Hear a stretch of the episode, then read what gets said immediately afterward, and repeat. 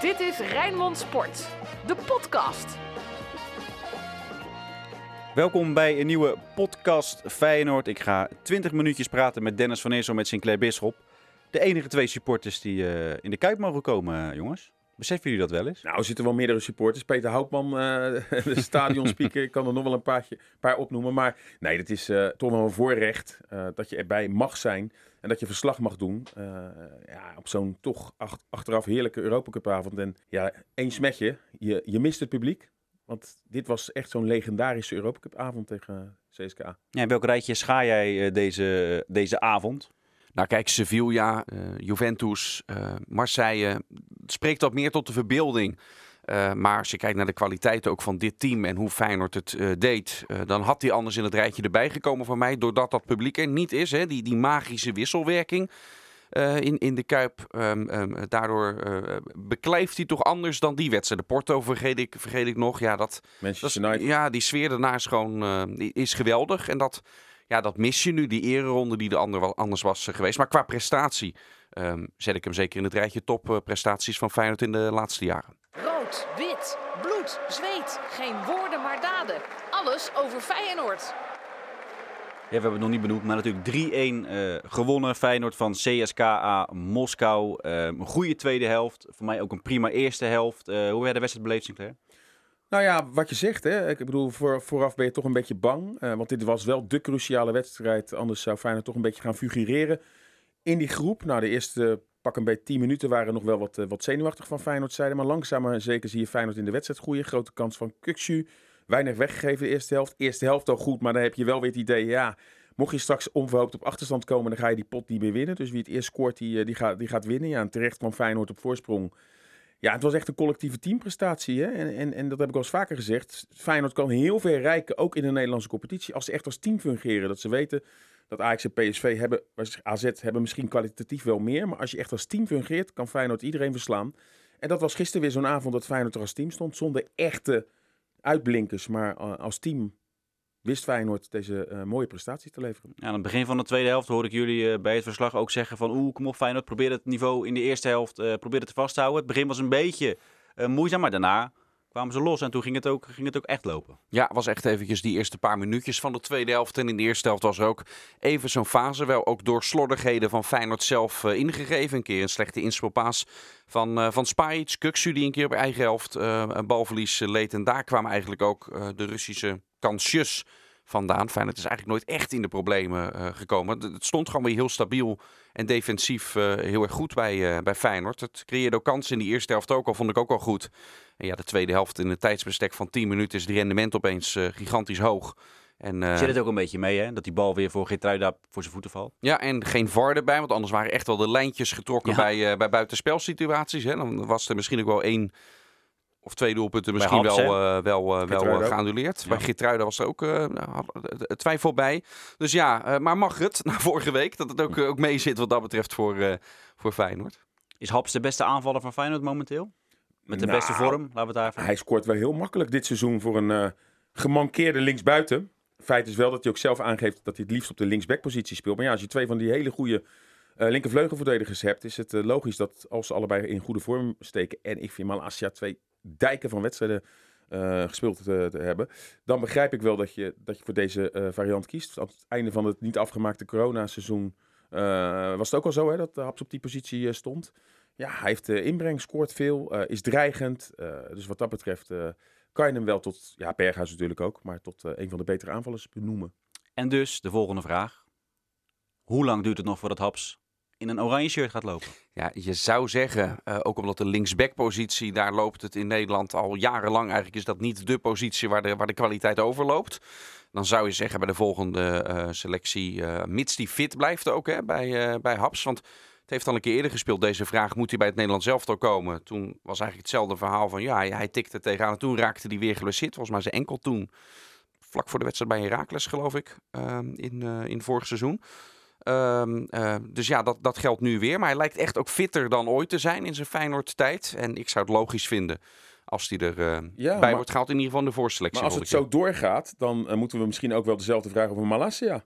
Die nog een stuk jonger is. Die zich echt heel knap staande houdt Of hij niet in die oranje selectie, ja, nu in de voorselectie, hè, nu we op dit opnemen, is de eh, selectie Ja. nog niet bekendgemaakt. Nee. Straks wel. Misschien dat, eh Frank de. Boer eh, een verrassing uit de hoge hoed tovert en eh Ricciano Hapse wel bij... ja, Deli Sinkgraven zat in de voorselectie en ook Patrick van Aanholt.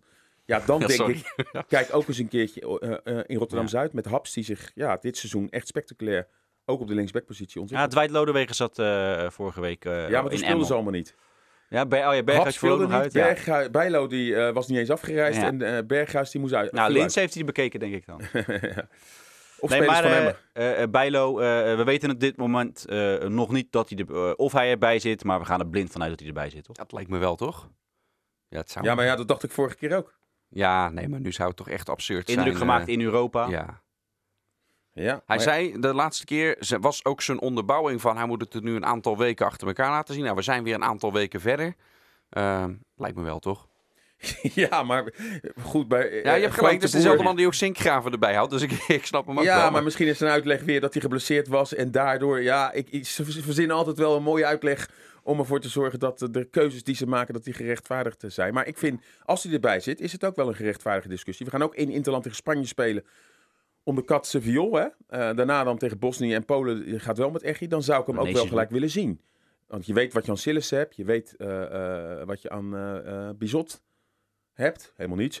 Maar, nee, maar dan zou ik hem ook wel willen zien. En Ja. dat hij tegen Polen met Sillis eh, gaat spelen is logisch. Maar dan zou ik ook Bijlo opstellen tegen Spanje. Even terug naar de wedstrijd tegen CSKA. Wie was voor jou de absolute uitblinker, Dennis?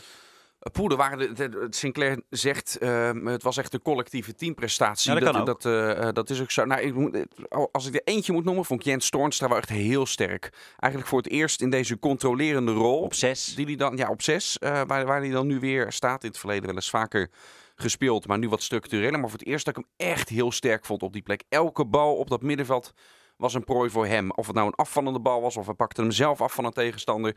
Eh, dit vond ik met afstand zijn beste wedstrijd van het, eh, van het seizoen. Jij Sinclair? Toornstra mijn laatste, ja. Maar ik, ik wil eigenlijk het, eh, het hele elftal een pluim geven. Zelfs Linsen, die echt niet goed speelde. eh, eigenlijk gewoon dramatisch. Maar wel qua werklust zorgt hij er wel voor dat het team kan excelleren. Advocaat gaf eh na afloop ook de credits voor Linsen. Dat hij ja, werkt als een paard. Ja, ik denk dan wel altijd, ja... eh, elke supporter eh, die een contact bij Feyenoord krijgt, die gaat ook voor Feyenoord werken als een paard. Dat Dat, is wel het ook, minste wat je kan doen. Maar goed, we, we kennen natuurlijk ook tal van spitsen. Maar Tas vind ik altijd een goed voorbeeld. Ja, als die niet in- de juiste vorm steekt, dan staat er gewoon een dooi op het veld. Eh, met Jurgensen hadden we de laatste tijd natuurlijk ook vaak het ge- gevoel dat als hij dan in de spits stond, dat daar toch ook wel wat meer arbeid verricht kon worden. Dus wat dat betreft het minste wat je kan doen. En, en dan zeg ik gewoon het hele elftal eh, is wat mij betreft de uitblinker geweest. ik ik vind me- het wel iets te lief hoor, richting, eh richting Lins. En ik snap de verzachte omstandigheden. Het is geen echte spits, het is niet zijn positie. Ik weeg dat allemaal mee. Maar als je in die spitspositie staat, en we hebben het over Feyenoord 1... dan eh, ehm, eh, mag je ook dingen ehm, eh, verwachten. Dus alleen maar inderdaad het harde werken. En natuurlijk, op die manier heeft hij zijn profijt. Ik zie dat ook. Eh, ik ben niet blind wat dat betreft. Eh, maar uiteindelijk eh, is het wel de spitspositie van Feyenoord 1. En als je het gaat hebben over hoe je dat structureel gaat invullen, dan heb ik er nog steeds mijn twijfels bij of je dat nou structureel moet willen met Lins. Hoe hard hij ook werkt en ook al heeft het wat profijt, uiteindelijk wil je er gewoon een scorende spits. Ja, maar je, hebben staan. Feyenoord wacht op Jurgensen. En, Hoe is het eh, daarmee? Nou ja, de verwachting is dat hij natuurlijk ook wel weer eh, redelijk snel weer instroomt. Hè? Het viel een be- beetje mee met die liesblessure. Dus ja, maar ja, dan is het ook wel weer de vraag als hij gaat spelen. Hoe lang? Eén, hoe staat hij er zelf Ja. in? Durft hij alles wel? Omdat hij ja, wel een paar optaters heeft gehad. En twee, eh, hoe lang inderdaad? Eh, ja, dus dat wordt dat wel... Ja, ik vind, ik, weet je wat ik zorgwekkend eraan ehm, eh, vind? Als ik hoor, als ik advocaat hoor zeggen van het is eigenlijk weer exact dezelfde blessure als die hij hiervoor had. Ehm, en, en, en meestal in zo'n ehm, in, in de, de lies- en, en hamstring sectoren kom je dan vaak ook uit bij het punt, ja, wat moet je nou doen? Want vaak is het dan een kwestie van of je laat het op natuurlijke wijze genezen. Ehm, of je gaat een operatie doen en dan heb je wel iets meer eh, zekerheid. Misschien, zijn ze, misschien komt voor hem ook wel het punt om dat dan weer een keer af te wegen. Van ja, ga je het echt eh, goed aanpakken of blijf je geloven in het, eh, in het eh, lichamelijke natuurlijke herstel? Ja, als we dan toch wat eh, eh, eh, veren in eh achterste stoppen. Ja. Diemers, vaak bekritiseerd, maar die vond ik gisteren echt eh, misschien wel zijn sterkste pot spelen. Schoot ook wat sneller. eh, Ja. Soms wel weer wat handelingssnelheid. Maar goed, tegen Moskou is dat wel begrijpelijk. Maar ik vond hem gisteren echt eh, Eh, ja, hij zat echt bij de vier, vijf beste spelers van Feyenoord. Nou ja, Ook één momentje, hè, dat, voor mij zei jij dat Dennis ook, dat, dat Diemers dan op zijn eigen helft dan een beetje iets te lang gaat treuzelen met de bal en dan uitglijdt en dat hij dan de bal bespeelt. En dan nog bijna met een overtreding eh, nog een kaart pakt, waardoor eh, eh, Moskou gewoon een vrije trap krijgt op een gevaarlijke plek. Dat zit er nog wel een beetje bij hem in, hè? dat de bal te lang bij nee, ja, dat was, dat was dat moment. Nou, dat sowieso. Maar wat mij ook bij hem wel eens opvalt, is dan vindt hij zelf dat er een overtreding op hem is gemaakt. En dan gaat hij alvast liggen en pakt hij, pakt hij de bal. Dat was me Gaan al, veel scheidsrechters wel mee, meestal Ja. gaan veel scheidsrechters mee, maar nu kreeg hij hem. En het was nog best op een gevaarlijke plek, kreeg hij hem toen tegen. Ja. Dat, is, dat is altijd link als je dat als, als speler eh, doet. Maar, eh, maar weet je, we zijn kritisch eh, de laatste week op, op Diemers geweest wanneer het niet goed was. En, en gisteravond speelde, die, speelde die wel goed, absoluut. Dus dan moeten we dat ook zeggen. Laatste hierover. Daarna gaan we lekker over Feyenoord-Groningen praten. Ehm, als je CSK Moskou ziet, hè, dat is een ploeg die, die niet inzakt, zoals RKC of Sparta. Eh, moet niet elke ploeg die nu tegen Feyenoord gaat spelen gewoon Feyenoord de bal geven en zeggen, kijk maar, want we zien het verschil dit seizoen. Als Ja. Feyenoord moet voetballen, dan, dan dat kunnen ze gewoon maar niet. dat zijn, hebben toch de resultaten in Nederland uitgewezen. Met name die kleinere ploegen. Of het nou Sparta, Twente, eh, RKC of Emmen was. Dat, dat die echt wel een kans krijgen als ze Feyenoord het spel laten maken. En dan is Feyenoord te afhankelijk van één of twee spelers. Eh, ja, dat, dat is eigenlijk ook al de laatste jaren hoor. Dat Feyenoord zich lekkerder voelde uit bij wedstrijden bij, bij, bij, bij Heerenveen, Groningen of, of Utrecht. Dan uit tegen Go Ahead, Eagles, Graafschap of eh, Ja. noem al die eh, ploegen waar Feyenoord al die zeepels heeft eh, opgelopen. Dus ja, inderdaad. En, en het is de hoop dat, dat, dat dadelijk er steeds meer spelers terug gaan komen. En met name Sinistera kijk ik dan naar. Dat is wel een speler die natuurlijk voor echt een verrassing kan zorgen. Hè? Om ervoor te zorgen dat het spel wat dynamischer gaat worden. Dus ja, afwachten tot dat gebeurt. Dat Feyenoord misschien ook wat meer variatie in die moeilijkere wedstrijden kan stoppen. Nou, weet je wat het, wat het ook is? We hebben het nu over, het was een wedstrijd van het collectief, waarin Feyenoord als geheel zo sterk was. En ook wij zeggen in ons eh, verslag ook wel eens, eh, bijvoorbeeld kijken we eh, naar een berghuis en zeggen wanneer, wanneer staat hij op? En misschien moeten we dat dan juist wel niet zeggen. Want een van de dingen in de RKC, eerste half uur, speelde Feyenoord gewoon vanuit zijn taak. Ook Berghuis stond hij op zijn eigenlijke plek. En dat was misschien wel de beste fase van Feyenoord in die, in die wedstrijd. En uiteindelijk komt Feyenoord dan niet op voorsprong. En soms wil hij, maar ook andere spelers, willen ze misschien wel te geforceerd dan opstaan. En dan speelt Feyenoord niet meer vanuit het collectief, maar dan probeert een eenling de boel open te breken. Met alle positieve intenties van, van dien. Ik snap dat. Eh, alleen misschien bij dit Feyenoord is het juist wel de kracht om dan niet in je eentje te willen opstaan. Om juist in je taak te blijven spelen. Juist tegen de RKC's, tegen de Sparta's. Eh, eh, want ook die ploegen gaan je uiteindelijk, als het nog 0-0 staat, zo werkt het in Nederland, eh, gaan je ruimte geven. Want ook tegen Feyenoord gaan die uiteindelijk dan toch komen. Alleen dan moet je wel ook durven geduldig te zijn. FC Rijnmond. Archief. Feyenoord FC Groningen. Sinclair, waar moet je dan meteen aan denken als je aan Feyenoord Groningen denkt? Ja, ik, ik heb het al een paar keer gezegd. eh, deze week ook hè, in de vorige podcast. Feyenoord Groningen met Van Persie's eerste doelpunt weer sinds de terugkeer. Dat was een heerlijke.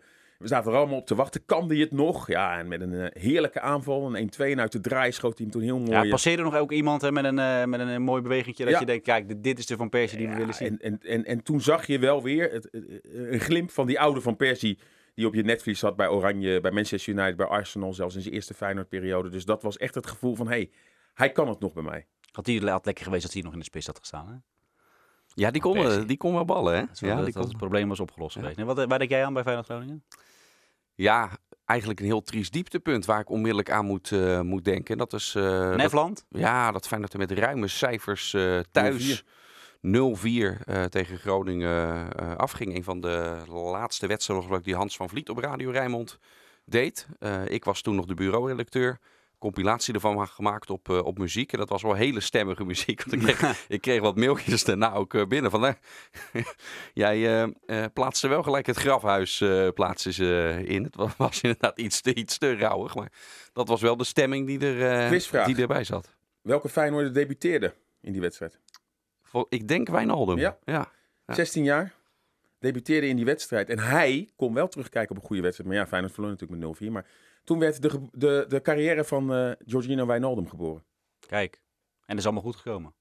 toch? Zo zie je maar. Nou ja, de eh, carrière van iemand die nog in zijn nadagen zit, Arjen Robben, is er niet bij. Dat is toch jammer? Of hebben jullie zoiets van... Het scheelt in ieder geval de helft aan media-aandacht eh, Mhm. meteen. Ik denk dat, dat, dat, dat er wel gemakkelijk plek is dat wij met z'n tweeën nu de Maar hebben jullie niet zoiets van, wij, wij vinden het wel fantastisch om, om zo'n grote voetballer nog een keer te zien? Of hebben jullie zoiets van, nou, beter dat hij niet is, want dat is beter voor Feyenoord?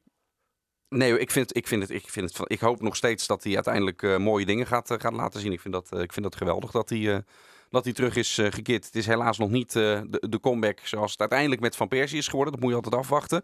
Maar nee, ik zou het nog steeds gaaf vinden als Ja, het ik had het echt geweldig ge- gevonden. En, en, en dan wel eigenlijk met een volle kuip. Want ik weet Ja. zeker dat het Feyenoord publiek, als het een speler is geweest die groot is geweest voor Oranje en geen Ajax verleden.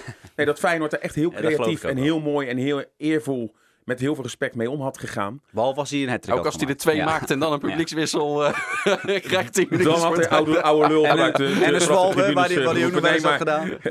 gedaan. normaal gesproken eh, zijn er toch wel altijd wel vaak mooie momenten. En eh, eh, jammer voor hem. En er is nog een Groningen-Feyenoord later in de- dit seizoen. Ja, ik zou het wel leuk vinden als hij eh, toch nog een keertje tegen Feyenoord eh, in actie komt. Feyenoord in Hij wedstrijden... maakte op- zijn eerste ooit voor eh, in de Eredivisie Nee, tegen... speelde, ze maakte zijn debuut tegen Als je Feyenoord. debuut tegen Toen werd Feyenoord, het 1-0 dat was voor het, ja. Groningen. En toen stond de 16-jarige eh Robben ja, ineens in het veld. En hij had wel een paar acties. Een bal die hij voorlangs had. Dat iedereen dacht zo, wie is die snotaap? Eh toen verloor Feyenoord daar. Maar dat was zijn debuut. Groningen-Feyenoord. Nee, ik wil eigenlijk eh, gaan vooruitblikken op zondag, jongens. Want eh, na een Europese wedstrijd eh, heeft Feyenoord het vaak zwaar. We hebben het tegen Emmen gezien, hè, in de 94 minuut gewonnen. Tegen RKC. Tegen RKC. Ja, Groningen thuis. Ja, iedereen denkt nu natuurlijk van, ja, als Moskou thuis lukt, dan lukt Groningen thuis ook. Maar we hebben net ook Ik Sinclair denk gehoord. niet dat iedereen dat, eh, dat denkt inmiddels bij Feyenoord. Volgens mij is iedereen... Nee, natuurlijk niet. Iedereen is zich Ah. toch wel doordrongen ook van wat jij zegt. Dat na een Europese topprestatie, dat het daarna, eh, dat Feyenoord dat Ja, maar zelf het gevoel is nu toch van, oké, nou, nou nu, nu moet het toch een keer Ja, is lukken. dat, ja, dat is jouw gevoel, Ja, denk dat ik. denk Maar- ik, ja. Moet toch een keer Eh, eh, lukken. heb jij de thuisresultaten dit seizoen Ja, gezien? nee, absoluut.